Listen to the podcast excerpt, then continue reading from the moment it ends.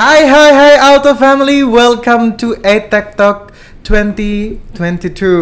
Alright, buat Tech Talk tadi udah yang yang pertama teman-teman yang ngikutin hari ini kita udah sampai di sesi yang kedua dan hari ini kita bakal bahas tentang back end and DevOps. Alright, dan gua pastinya nggak sendiri. Sebelumnya mungkin gua kenalin dulu gua siapa. Jadi gua Rido dan gua dari rekrutmen tim Alto Network.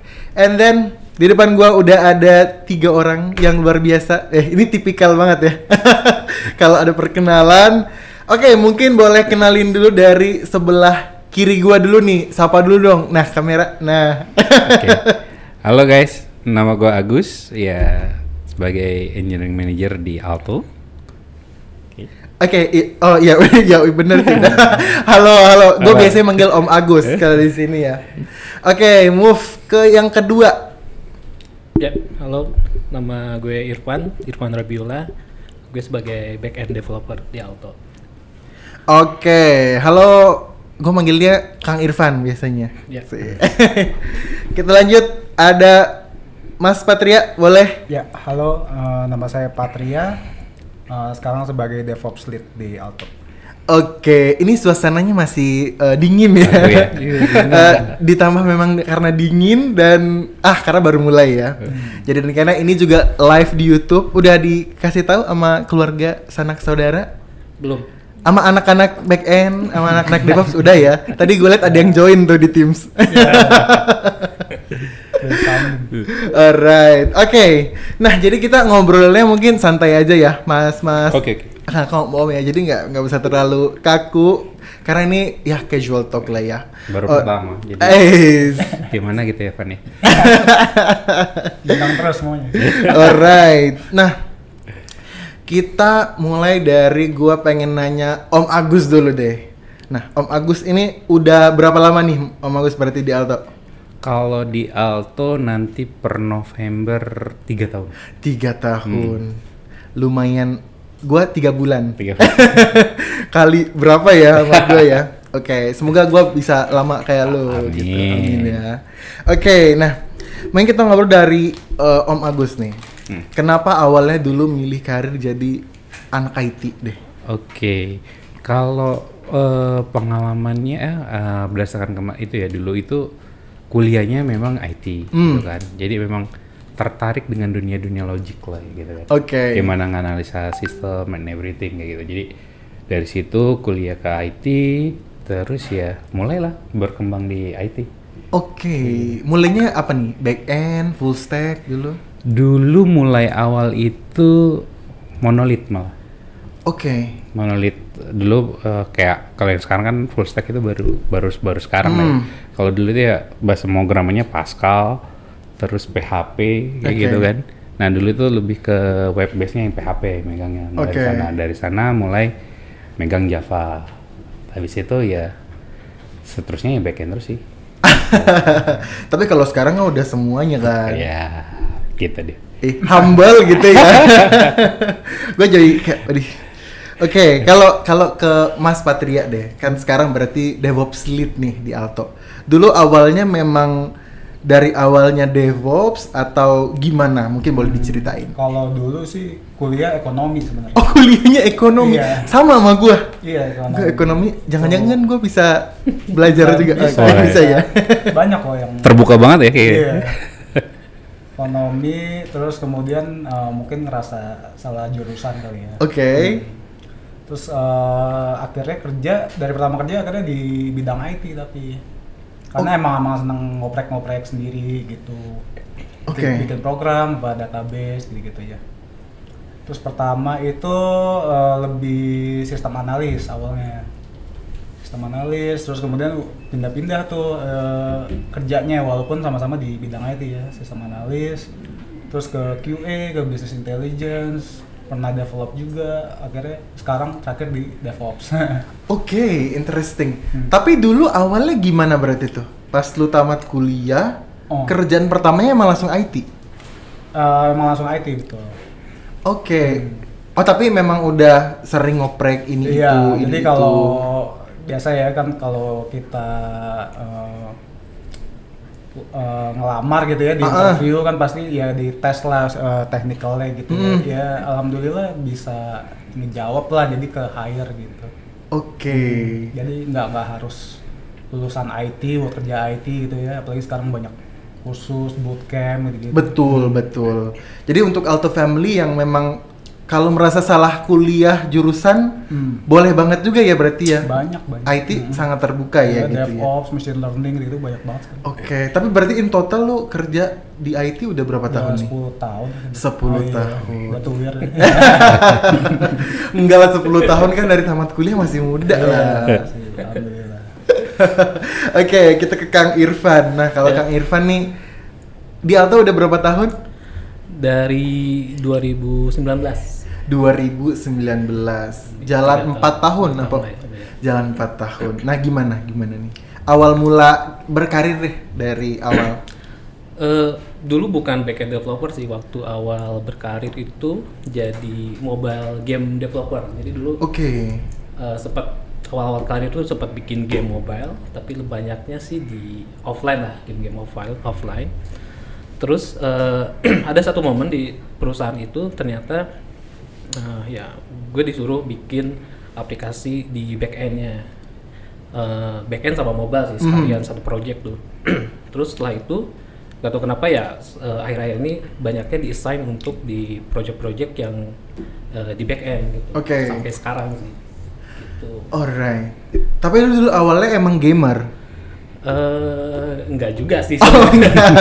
Waktu itu juga ngelamar ke situ, itu kan baru eh, kayaknya belum lulus deh, belum lulus. Ngelamar ke perusahaan dan eh, saya kan di Bandung waktu Hmm. di Jakarta.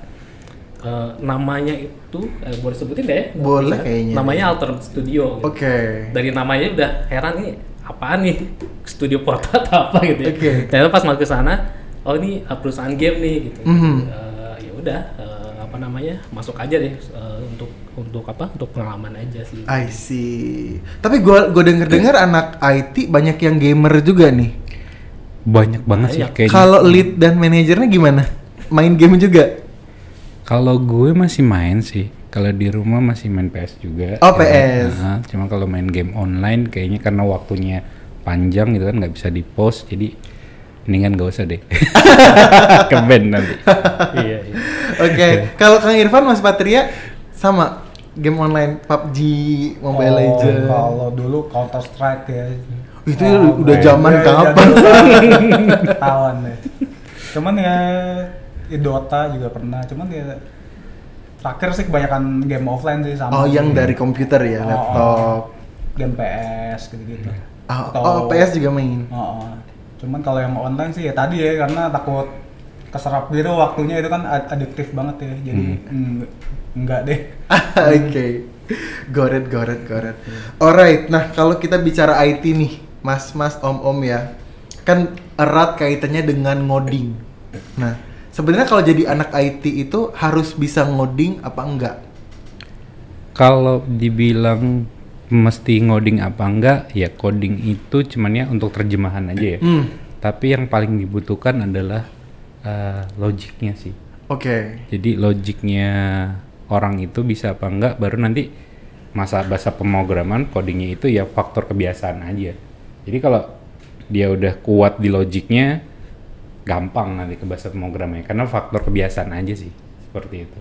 I see. Dan juga di IT banyak ya om ya, nggak semuanya ngoding ya. Ya, ada juga dev eh, DevOps, ada QA. Nah, QA juga sebenarnya kan juga logik juga tuh kalau misalkan dia ngetes ini harusnya seperti apa. Kalau DevOps juga ngodingnya ada, ngodingnya tapi nggak terlalu banyak kayak Pat ya harusnya Pat ya. iya, nggak terlalu deep. Nggak terlalu deep. hmm. Oke. Tapi Sering logiknya harus kuat lah ya. Iya. Got it, got it, got it. Nah, kalau kita bicara software engineering kan ada back end, ada front end. Tapi sama-sama engineer. Sebenarnya kalau secara skill set sendiri sama aja si back end bisa jadi front end, front end bisa jadi back end. Apalagi gue dengar ada juga namanya full stack ya. Ya. Nah, itu mungkin boleh dijelasin nih. Oke. Ini sepengetahuan aku aja ya. Boleh. Pengetahuan gue aja ya. Jadi eh, mungkin nanti eh, ada yang beda-beda gitu kan. Eh sebenarnya kalau misalkan front end itu sebenarnya dia lebih ke arah banyakan UI. Mhm. Jadi dia bisnis logiknya itu jarang banget di situ karena di backend itu bisnis logiknya. Jadi uh, beda apa enggak agak sedikit berbeda sih kayak gitu. Jadi cuman memang faktor kebiasaan tadi ya cuman tetap harus ada logiknya dan uh, biasanya teknologi stacknya udah pasti beda sih. Oke. Jadi memang nggak bisa disamain sih. Cuman ya ada yang benar-benar menguasai di front end, ada yang benar uh, menguasain juga di back end ada. Cuman biasanya jarang juga sih kayak gitu. Iya. Makanya udah spesialis kayak gitu. Oke, mau ditambahin man? Hmm, ya sama sih. Sebenarnya eh, back end sama front end itu istilah eh, sekarang-sekarang mungkin ya tahun-tahun Iya. sekarang sih. Dulu tuh kayak gue, ya, gue tahun berapa ya 2000 di 2010-an gitu ya. Jadi Mhm. itu sebutnya programmer. Iya. Dan itu nggak nggak nggak dibilang eh, programmer apa gitu ya, spesialis apa enggak. Kalau sekarang udah dipisah tuh ada front end, ada back end. Tapi basically berarti bisa dua-duanya berarti ya? Apa gimana? Kalau orang programmer dulu harusnya bisa. Harusnya bisa kalau dulu. Cuma ya. kalau yang sekarang mereka udah Udah gue spesialis aja ya, deh di ya. front Iya. end. gitu. Ah, I see. back end back end gitu. Oke, tapi lama kelamaan kalau dia udah yang naik role gitu harusnya paham dua-duanya dong. Iya. Ya paham, tapi nggak dalam mungkin ya. Misalnya Ah. kayak kayak back end juga kalau misalnya tahu cara bikin front end seperti apa itu nilai plus sebenarnya. Jadi ketika dia bikin aplikasi back end dia juga mikirin oh nih kalau nanti front endnya ngehit uh, ke back end cara cara yang simpelnya untuk front end seperti apa sih gitu. Ah, I Gitu. see. Jadi ngebantu juga tim front endnya nanti gitu. Tapi kalau misalnya nggak mau tahu ya udah ini cara terbaik gue, gue nggak mau tahu front endnya seperti apa. Nah itu egois juga kan. Ah, got it, got it, got it, got it. Alright, kita moving ke pertanyaan berikutnya nih. Gua tanya Mas Patria deh. Pengalaman unik sebagai anak IT, Mas Pat. Ada nggak? Hmm, ya kebanyakan ya mungkin di IT ya karena Hmm. tapi orangnya rada tertutup gitu ya kadang ya mungkin susah diajak komunikasi atau uh, uh, lolo gua gua gitu ya jadi ya ya mesti paham sih karakter orang-orang ya terbuka aja sih Oke. Oh. Jadi bener ya maksudnya kalau gua denger-dengar kayak oh anak IT itu banyak yang introvert. Mostly kayak gitu. Mostly. Cuman nggak juga sih. Kalau kayak Irfan ya tuh, Hmm. banget. Jadi harus dipancing dulu nih dia. Emang kalau kayak gue nggak sih Irfan kayaknya Irfan ya. lebih ke orangnya sih bukan Iya. profesinya Profesi. Oh, profesinya. Iya. Tapi kalau dilihat nih anak-anak IT rata-ratanya memang lebih banyak yang lebih seneng sendiri, diem gitu. Apa gimana? Enggak juga sih. Enggak juga Enggak ya? juga. Malah eh, IT kemarin kita bikin acara ya. Iya. Lumayan gede-gedean dan semuanya pada ikutan. Mhm. Eh, sampai seru-seruan ya kita rafting, kita paintball and everything. Ya kalau introvert kan berarti dia nggak mau ikutan kan. Dan kita Betul. ada 60 orangan kita kayak kemarin. Iya, fun Hmm, Seru dong ya. seru seru banget. Eh, Oke, kita lanjut. Gua tanya Mas Irfan deh. Irfan. Nah, kalau back end engineer itu sebenarnya kerjanya ngapain sih? Back end Nah. engineer. Eh, ya tadi kalau misalnya nyambung sama eh, apa pertanyaan tadi ada Mhm. front end sama back end bedanya apa? Eh, front back end itu dia jadi fasilitator antara front end ke database. Oke. Jadi kalau misalnya kita login nih di website, eh, login kan input username sama password tuh. Nah, username password itu nggak divalidasi sama front end-nya. Hmm. Jadi front end itu dia eh, ngomong tuh ke back end gitu ya. Ya istilah kata nih, eh hey eh, apa back end ini tolong dong validasi eh, username sama passwordnya gitu kan. Nanti dia bakal ngecek tuh ke database, dia, dia validasi kalau misalnya datanya valid ya udah valid gitu ya. Tapi kalau datanya nggak valid, eh, dia bakal bilang ke front end-nya nggak valid. nah di sisi front end itu terserah dia mau ngapain nih kalau datanya valid dia mau masuk ke menu utama atau mau masuk ke menu yang lain itu terserah front end-nya nanti kayak gitu. Oke, tapi apa sih hal-hal yang mungkin orang banyak nggak tahu nih tentang back end?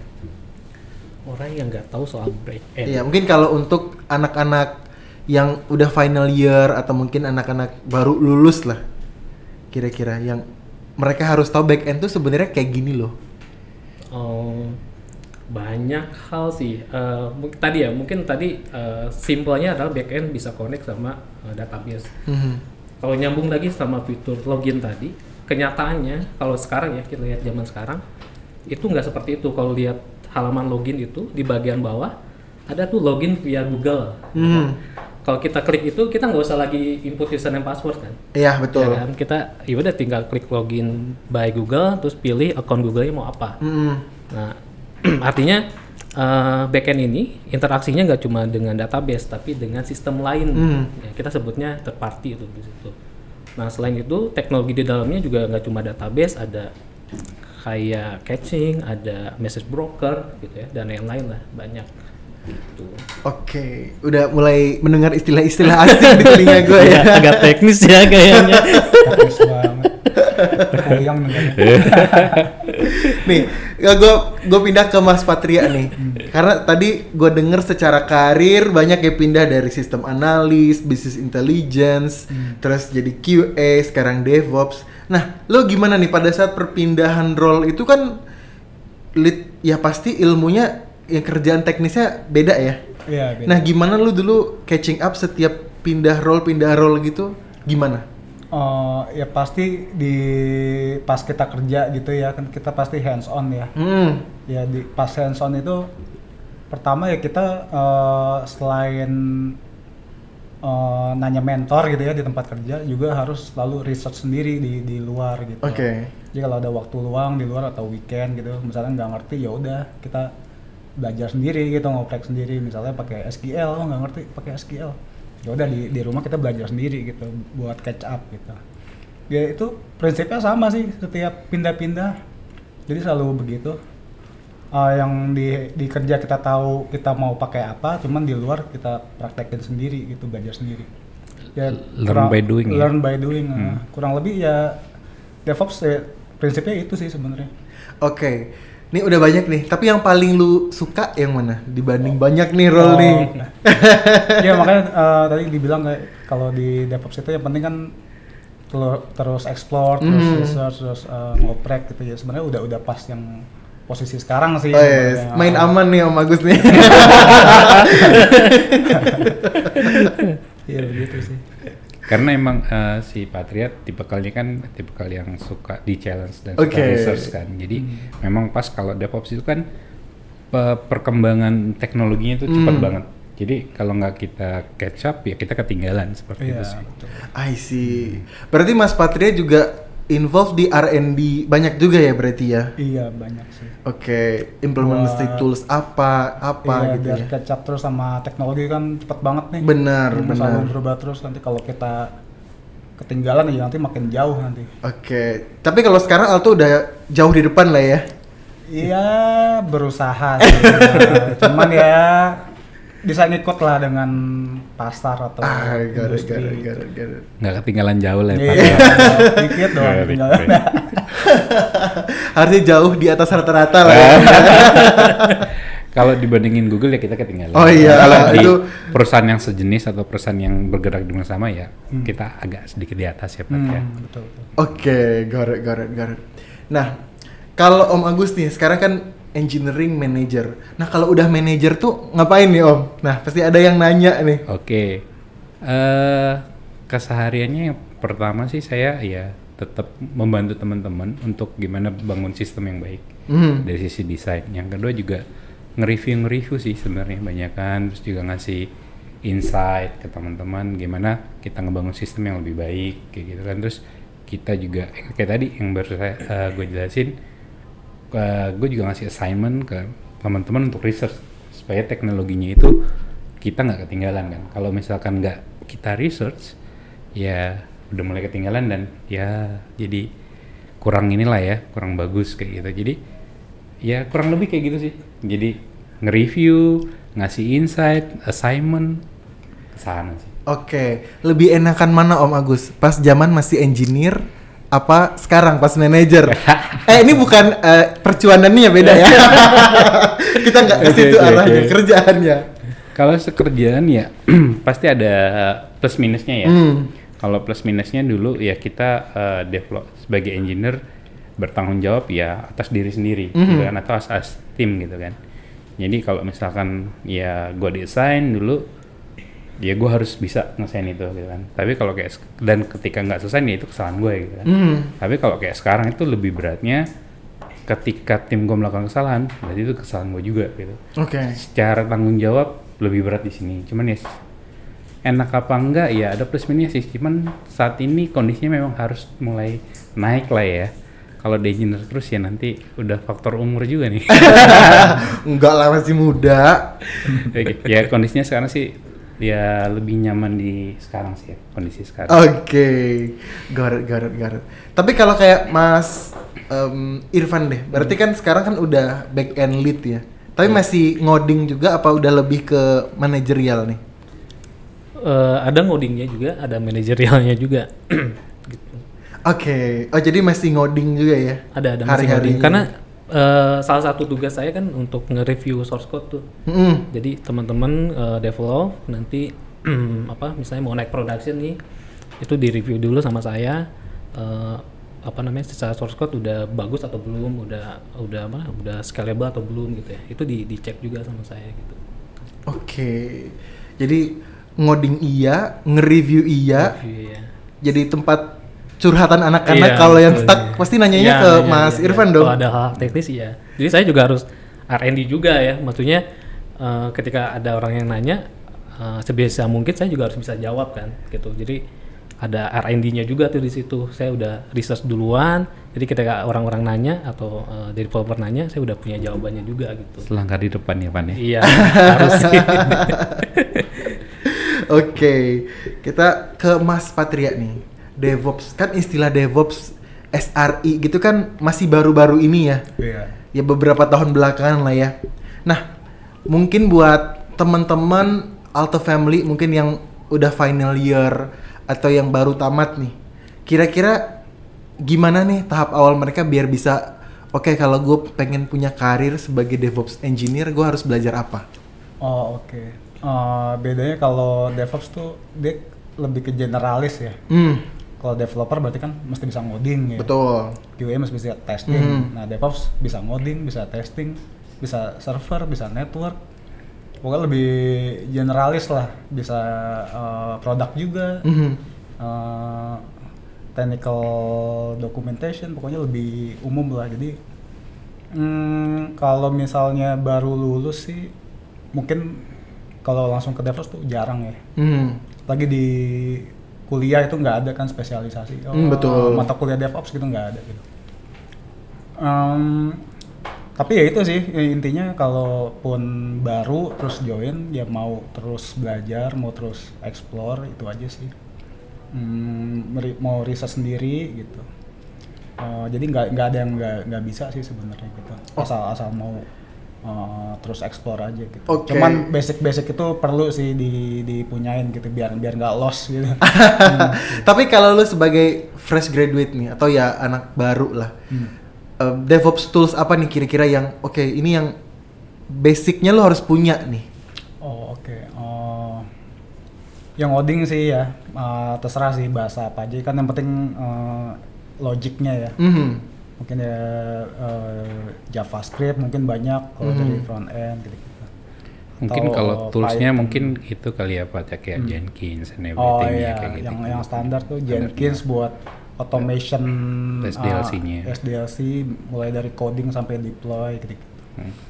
Hmm, ya sekarang yang lagi ngetren juga uh, microservice ya aplikasi microservice jadi kayak kontainer apa docker gitu-gitu jadi ya itu uh, sama ya uh, orkestrasi microservice juga ya Hmm, kayak docker swarm kubernetes gitu tuh yang lagi happening banget Sebenarnya kalau tools yang mau dipakai ya bantuin ini ya Pak ya, bantuin jawab dari DevOps itu mungkin bisa explore ke GCP punya lah. Hmm. Oh, banyak banget ya tools-tools yang bisa mendeksplor cloud-nya ah. kayak gitu.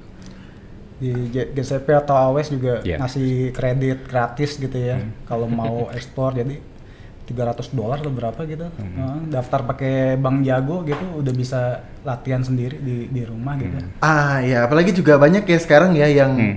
kayak GCP, AWS gitu ya dia punya training Betul. gitu-gitu ya. Betul. Tapi gue juga lihat juga banyak nih Om Agus kayak bootcamp tapi khusus DevOps sekarang. Oh banyak ya? Ba- Banyak, banyak. Iya. Nah, biasanya kan taunya data Front end back front end. end, back end, data, Data. produk. Oh. Tapi sekarang udah ada juga yang DevOps. Oke. Jadi dari awal juniornya udah jadi DevOps engineer. Karena marketnya lagi Iya. banyak Betul. sih, banyak, perusahaan Lagi yang- booming ya? Iya, banyak Iya. perusahaan yang butuh sih. Jadi- Betul. Apalagi sekarang rata-rata perusahaan udah implementasi cloud semua kan. Yep. Hmm. Jadi eh, ya mau otomatis dia juga ngikut ya Hmm. si kebutuhan DevOps engineer. Kayak yang paling paham aja gue. Tapi emang di pasaran memang lagi dicarinya banyak banget sih Iya, memang. semua industri pakai kok sekarang. Eh, iya kan. Jarang banget yang nggak apa, pasti semua industri pakai cloud ya sekarang ya. Iya, karena lebih simpel ya. Jadi kayak ya secara price dia punya 100 dolar, 200 dolar dia udah bisa bikin server sendiri kan di Iya. kan. Jadi oh gue mau nyoba ini udah langsung aja kayak gitu kan. Oke, got it, got it. Apa nih orang-orang yang kira-kira banyak nggak tahu tentang DevOps? Hmm, dikira kita orang infra, Hmm, megang server gitu-gitu. Padahal itu salah satunya sih sebenarnya. Jadi kita tuh fokusnya dari tahap development sampai uh, operationnya sampai ke deploy-nya. Jadi uh, gimana cara itu biar terautomate dan cepat gitu. Kalau dulu tuh kan mungkin bisa berminggu-minggu ya Mhm. dari ngoding sampai aplikasinya live di production. Nah, uh, fungsinya DevOps di di situ sih buat uh, Mempercepat. ya. mempercepat sama Oke. apa, memper inilah mempermudah memperbagusin lagi Sekali enter udah ke deploy ya. Kalau dulu kan Iya. mesti di-compile dulu terus buka ya tools untuk copy SFTP-nya iya, gitu kan. Kalau sekarang kan tinggal enter, commit, that's Iya, langsung ke deploy. tapi gue pernah juga nih ketemu beberapa DevOps engineer yang tapi memang infra ya. Lebih ngurusin Ya, infra. Ada juga yang seperti itu sih. Jadi ketika uh, poin ini sebenarnya DevOps itu kan mempermudah ya, Mm. mempermudah untuk segala hal. Kayak misalkan poinnya ke SDLC, ada juga misalkan ke infra. Jadi ketika dia bikin uh, script untuk dia tinggal enter, dia, commit langsung servernya kebuat kayak gitu. Dan dan networknya kebentuk juga. Ya ada macam-macam sih Pat ya, Ah, tergantung kebutuhan sih. perusahaannya. Mak- Mm-mm. makanya DevOps engineer sebenarnya rancu sih title yang rancu Lebih luas lah ya. lebih luas nah. Leb- Oke, depend on perusahaannya Betul, biasanya betul. ya. Betul. Tapi ada juga beberapa perusahaan yang pakai istilah SRI. Tapi basically sama apa gimana? Sebenarnya sama sih. Uh, kalau DevOps tuh kadang lebih ke culture gitu ya. Uh, kan nggak ada pemisahan antara development sama operation gitu ya. Aha. cuman tuh ya itu uh, definisi secara culture jadinya DevOps. Bukan sebagai profesi gitu. Nah profesinya baru SRE Site Reliability Engineer gitu. Oke, tapi basically itu sama aja sebenarnya ya. sama aja ya Sama aja ya. Oke. Kayak kita ngobrolin DevOps banget, teks-teksnya ini banget ya. Gue juga yang sampai oke, oke. Tapi ini hmm, kita tadi kan kita bicara ini banget ya, teks-teks banget nih. Mungkin lebih ke serunya jadi anak IT. Hmm. Senengnya jadi anak IT Om Agus. Oke. Kalau dari gue sebenarnya ada suka dukanya, teman senangnya ya, senangnya jadi gue tuh ngerti secara teknologi misalkan kayak misalkan di auto lah ya. Jadi dulu tuh gue nggak tahu tuh switching tuh apa, cara kerjanya seperti apa gitu kan. Ka- Ketika lu terjun ke IT-nya di, di auto switching, jadi gue ngerti polanya, flow-nya seperti apa. Oh, sistem yang terlibat seperti apa. Jadi mungkin gue nggak bisa dibohong-bohongin lagi sama orang lain gitu kan wah ini pakai gini-gini wah enggak loh harusnya kayak gini. Kayak misalkan contoh orang bilang kan "Eh, kita ini ya salah satu yang yang biasa orang tanya sama gue emang bisa ya? Apa namanya eh, transfer itu free? Setahu gue karena gue dari bidang sini nggak bisa gitu. Karena apa? Karena ketika lo connect ke bank gitu kan ya lo harus bayar gitu. Nah gue nggak tahu kalau yang yang di luaran sana bisa free itu seperti apa gue nggak tahu ya. Cuman itu pengetahuan gue jadi oh sebagai orang IT gue jadi oke kayaknya itu enggak deh saya yang gue tahu jadi gue lebih tahu lah tentang sistemnya dibandingin orang lain kayak gitu sih Oke. senang senangnya ya kalau dukanya mau banyak banget lah ya Ini kan kita Senangnya dong ya. oh. Nanti yang mau berkarir di IT jadi mikir. Kalau Irwan gimana tuh senengnya, Pan? sama sih kayak kayak Mas Agus bilang ya. Uh, ya kadang kalau misalnya nih ada website gitu ya, lagi ada promo gitu ya, terus tiba-tiba nggak bisa diakses nih gitu ya. Kalau mungkin istri saya ngomel-ngomel tuh, wah nggak bisa diakses nih. Kalau saya udah tahu, oh mungkin ada yang kurang nih di sistemnya gini gini gitu. Ada bug ya? ada bugnya gitu ya. Kayak gitulah. Oke, jadi udah kayak udah kayak kebayang gitu ya Iya, kalau ada yang error nggak bisa dibuka gitu ya. Oke, oke menarik menarik. Kalau Mas Patria? Ya tadi sih ya karena suka explore gitu ya terus suka kecap sama teknologi gitu ya makanya dari ekonomi bisa loncat ke IT gitu emang emang seneng ya belajar sih gitu belajar hal baru gitu Oke, got it, got it, got it. Alright, nah ada lagi nih. Kalau gue sering dengar kalau anak IT itu biasanya kuat begadang. Hmm. Yes. Oke. Biasanya, cuman ya eh, mindset orang-orang Hmm. itu pasti orang IT kalau developer ya, eh, DevOps kayaknya mungkin mirip juga. Kopi hitam sama eh, rokok. Kok Mindsetnya kayak gitu ya, kayak udah kebentuk kayak gitu ya. cuma nggak ada menyan aja. Iya. Tapi sebenarnya sih enggak sih ya. Tapi karena memang kenapa kita eh, kuat begadang karena rata-rata eh, apalagi kalau misalnya kita di dunia yang sangat-sangat eh, apa ya sensitif gitu kan, apalagi untuk arah eh, masyarakat, itu kan kita harus melakukan perubahan itu tengah malam. Oke. Ya, jadi mau nggak mau ya harus begadang seperti itu. Karena kalau misalkan pas di hari kerja, di jam-jam kerja ya agak-agak riskan. Oke. Kayak gitu sih. Oke, Van, tambahin? Apa ya? Bener nggak? Kuat begadang? Iya, bener. Kalau kuat begadang, Eh, mungkin karena kalau kalau kalau pengalaman ya, eh, apa lebih ke penasaran sih. Oke. Kalau tadi nyambung sama research, kadang kalau lagi research terus misalnya Nanggung ya? kenapa nggak berhasil nanggung tuh, eh. sampai Ah. akhirnya kebablasan sampai malam gitu ya. Paling gitu sih. Oke. Oke, tapi begadang emang dari dulu zaman kuliah emang kuat juga apa gimana? Kalau gue kebetulan iya, karena suka nonton bola kan. Ah. Jadi sekalian tuh kan main PS sambil nunggu bola gitu kan, sambil ya sambil belajar-belajar juga gitu. Ya sampai ke sini ya ke bawah terus sih. Kalau yang lain gimana? Patria, Karena- begadang karena, nggak? Oh, karena gue ada pernah kadang denger gini. Oh kalau ngoding itu kadang mulainya siang sampai ke malam. Kayaknya nggak gitu juga Nggak sih. gitu ya? Iya, karena gini, ketika coding itu ngoding ya, Hmm. itu sama kayak lu seniman. Oke. Jadi Iya. tergantung moodnya. Oke. Ketika mood lu lagi bagus gitu kan, eh hal yang susah itu jadi gampang banget. Tapi ketika mood lu lagi jelek gitu kan, hal yang simple itu jadi susah banget. Jadi ya tergantung moodnya sih. Jadi moodnya lagi bagus di pagi, ya udah tuh pagi gitu kan. Kalau Iya. moodnya lagi jelek, oh udah lagu istirahat dulu gitu kan. Malam, malam. Cuman ya tergantung orangnya sih. Tapi rata-rata tergantung mood. Jadi nggak tergantung pagi atau malam atau sore atau siang kayak gitu. Oke. Mungkin Berarti ma- malam karena nggak banyak gangguan Iya, kali ya. iya, bisa jadi juga sih. Oke, tapi kayak Om Irfan nih yang ngoding kan berarti kan mostly ngoding nih. Iya. Kadang seringnya juga nih siang-siang tiba-tiba stuck gitu. Oh udah gua gua skip dulu deh siang gua lanjutin malam aja. Kadang ada gitu juga. Eh, ya kadang ada sih. Atau kadang emang 24 jam Oh, enggak enggak ya? juga. kan kan gua nggak tahu nih.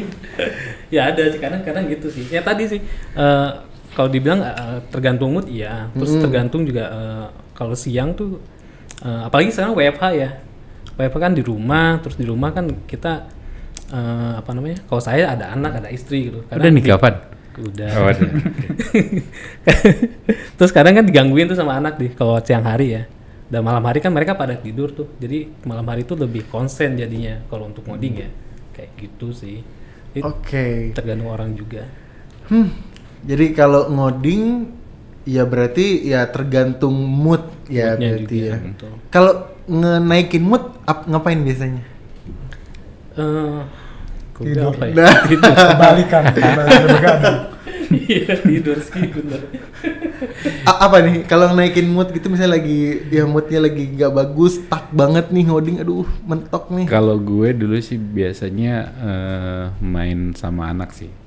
main sama anak Mm. Jadi ketika nggak nggak tahu kenapa ya jadi kayak lu fresh gitu kan main sama anak. Habis itu yo dapat lagi tuh ilhamnya ya. Kayak gitu. oke Kalau gue, kalau lu kan Ya salah satunya lah Iya. itu banyak sih kayak main game juga termasuk. Hmm. Terus di rumah juga wah semenjak WFH tuh Mhm.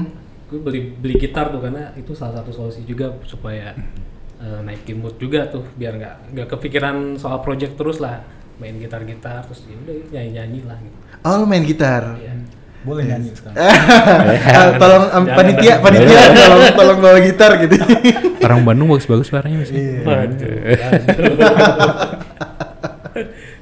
Oke tapi sekarang hobi gitarnya masih ditekuni Ya cuma main doang sih nggak jago banget enggak sih. Eh, ini biasanya yang humble merendah untuk meroket namanya. Oke, oh tipikalnya main gitar. Alat musik yang lain selain gitar? Enggak ada. Gitar nyanyi juga apa gitar doang? Eh nyanyi iya, cuman nggak ya biasa aja sih. Nyanyi juga biasa.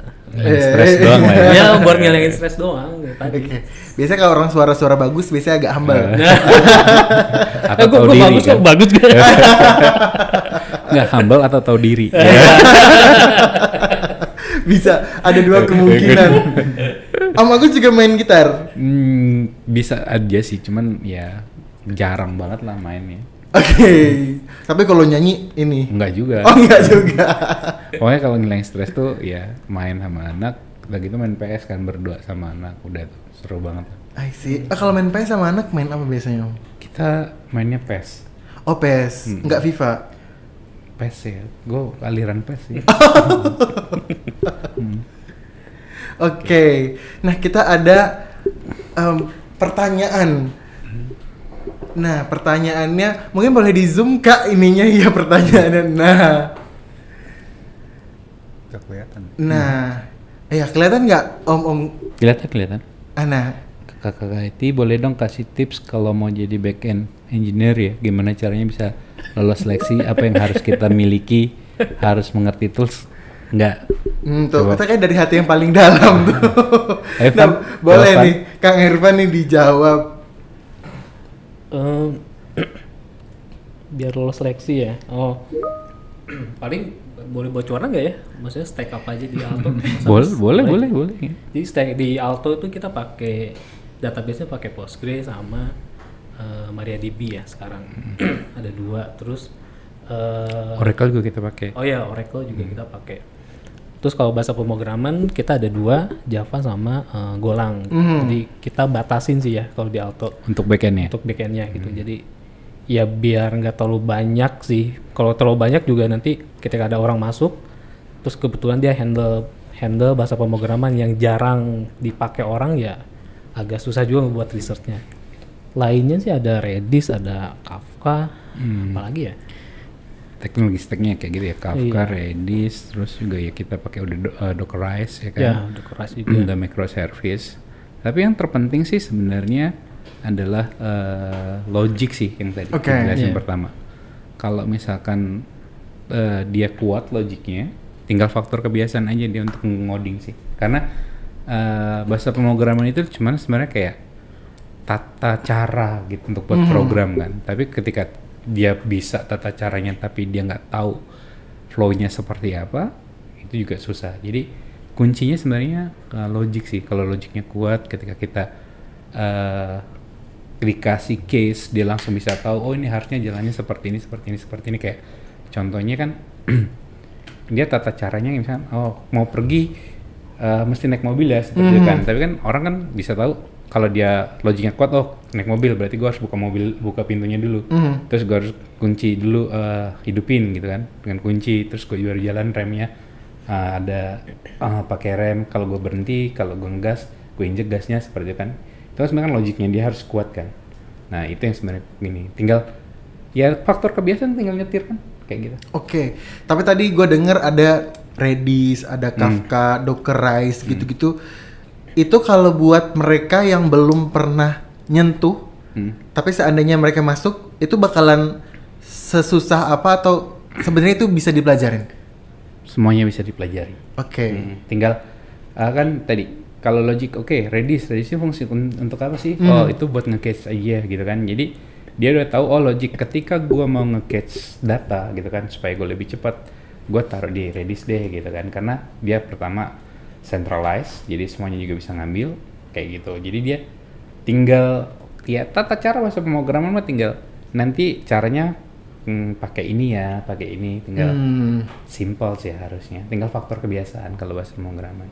oke Em, Kang Irfan mungkin ada tambahan eh ya sama sih tadi logic terus juga eh, cara dia nganalisa kalau tadi bilang eh, saya mau pergi ke kantor nih pakai mobil gitu ya Eh, ya harus kita bakal tanya nih kenapa harus pakai mobil? Kenapa nggak pakai motor? Kenapa nggak pakai MRT gitu ya.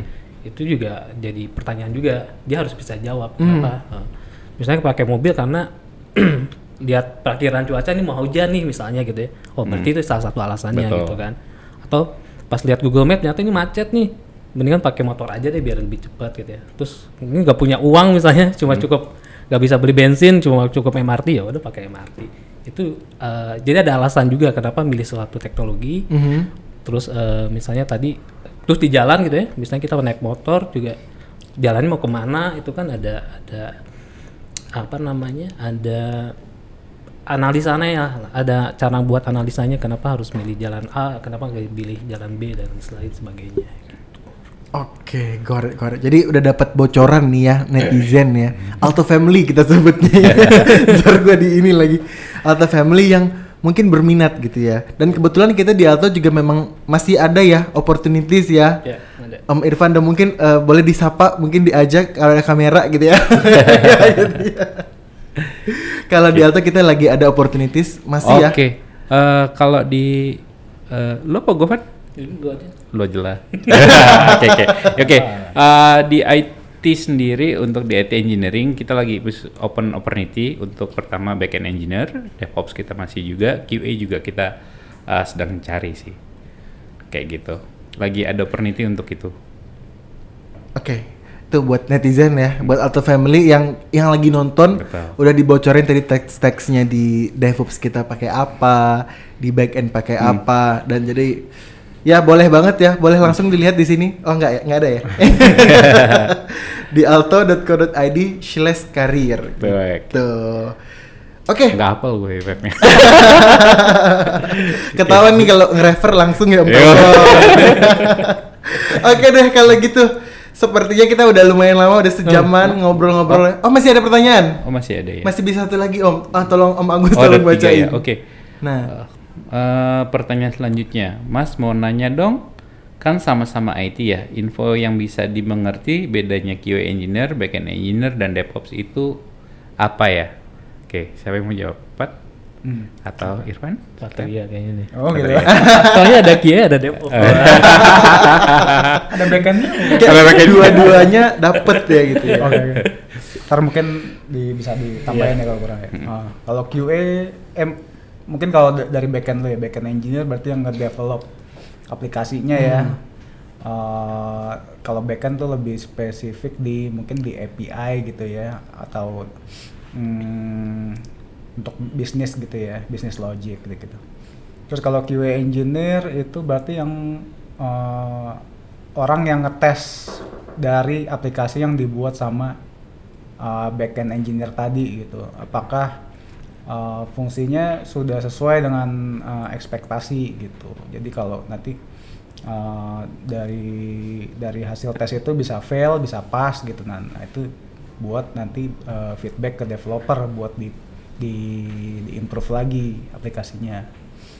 Nah kalau DevOps itu dia fungsinya yang eh, ngedeliver aplikasi itu. Jadi kalau aplikasinya udah di develop, udah dites, nah fungsinya si DevOps adalah yang eh, deliver aplikasi tadi yang sudah di develop di tes supaya bisa dipakai sama eh, user gitu. Oke. Em, Kang Ivan kayak mau nambahin? enggak Oh enggak. enggak. Mungkin eh, nambahin sedikit sih. Jadi kalau misalkan bedanya eh simpelnya bahasa bahasa ini ya bahasa gampangnya adalah back end dia yang ngebuat, QA dia yang ngetes, oke. Eh, DevOps dia ngebangun sistem bagaimana yang hasil dibuat ini bisa dipakai bersama. Mhm. Sesimpel itu sih. Oke, bedanya. got it, got it, got it, got it. Tapi gue beberapa kali pernah lihat juga ada SRE, DevOps, tapi di bawah QA. Oh gitu. Pernah? Lu belum pernah nemu ya? Ya ya tergantung ini sih industri Tergantung luas banget industri lah. ya. Iya, got it, got it, got it, got it. Alright, ada pertanyaan lanjut dari Samsul. Kalau mau belajar DevOps engineer itu harus mulai dari mana? Nah, Oke. Hmm, pertama ya logic ya, logic Oke. tadi ya mungkin hmm, kalau bisa bahasa pemrograman Hmm. bagus gitu. Apalagi kalau yang dipakai di tempat kerja ya. Itu buat ngelatih logic, terus hmm, testing juga mesti paham juga Mhm. gimana aplikasi itu di testing, gimana cara automa automate-nya. Terus eh, SDLC eh, cara deliver aplikasi gitu, mulai dari development sampai deploy itu juga penting.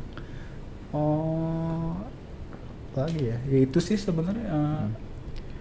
basicnya, Oke. eh, sama basic network, server gitu-gitu itu bisa bisa dipelajarin sendiri sih. Oke. Hmm. Dan sekarang juga ya di Google harusnya udah ada Yep. semua ya Om Oh, ya. betul. Iya. Kalau pengen belajar otodidak gitu ya. Hmm. Di YouTube juga kayaknya banyak tutorial-tutorial ya gitu ya. banyak, banyak banyak banget. Banyak banget ya. Intinya di kitanya aja mau nge-explore Iya, apa enggak. Kitanya aja yang mau berkembang apa enggak. Kalau kita mau berkembang ya pasti kita punya jalan kan usaha untuk ah, kita supaya kita maju kan. Ya Hmm. Tadi kan lihat YouTube kah atau kita juga langsung ah, hands on di belajar apa hands on untuk ke Iya, sertifikatnya, course-nya, kursnya kan oh. kayak gitu. Tapi yang poinnya sih kalau mau belajar dari mana yang pertama ya teorinya dulu sih sebenarnya Iya, ya oh. teorinya DevOps itu apa, terus cara kerjanya apa, kayak gitu sih. Kalau udah tahu, terus nanti tinggal tahu kebutuhannya apa, Hmm. mulai di sana. Karena kayak tadi Patria bilang, DevOps itu masih luas banget.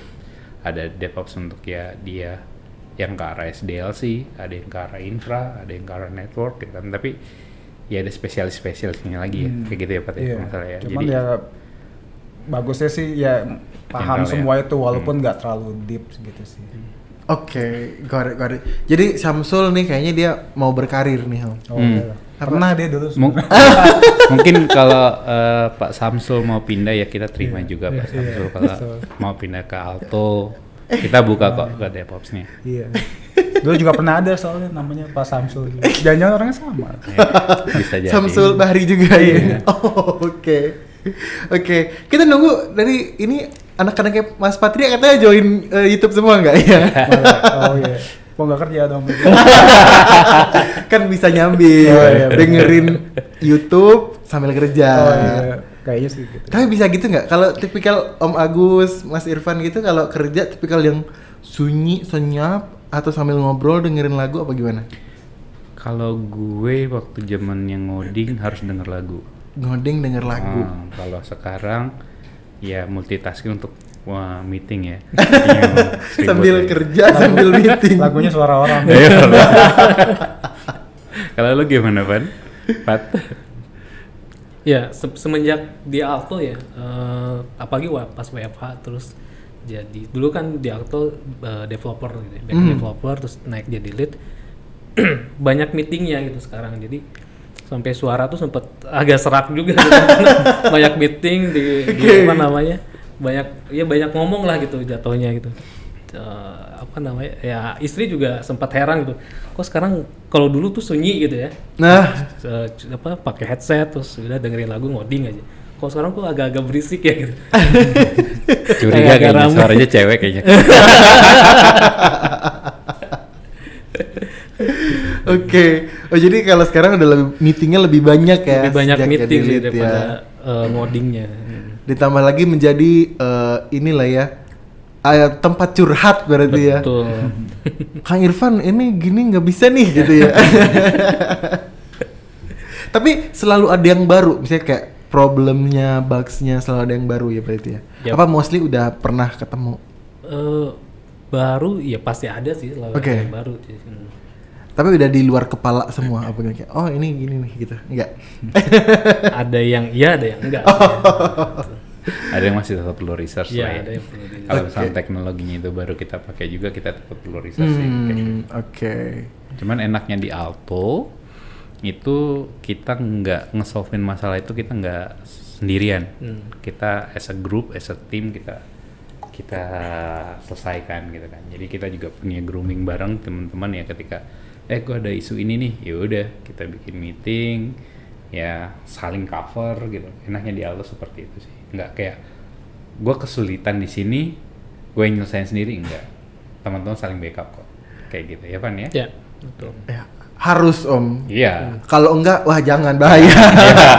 Kayak kerjaan gue nambah. Oke, karena selain kerja memang harus bondingnya juga harus ini Betul. ya. Hmm. Oke deh kalau gitu. Dan kayaknya udah satu jaman nih kita ngobrol bareng ya tim back eh nama tim DevOps gimana serunya jadi anak IT ya, mas-mas ya, om-om ya. And then tadi udah dibocorin juga, oh di sini kita pakai apa aja, Hmm. teks-teksnya kayak gimana. Jadi buat Alto Family di luar sana yang sekiranya interested untuk explore new opportunity, ya Silakan gitu. bergabung ya. nah boleh banget cek di sekali lagi www.alto.co.id slash karir om. Oh, Yeah. Apa Van? Nggak tahu. Oke deh kalau gitu dari gua ini aja sesi untuk sesi kedua Attack Talk 2022. Thank you. Thank you. Om Irfan, you. Om you Agus, Mas thank you. Patria. Thank you, semua. Alto Family.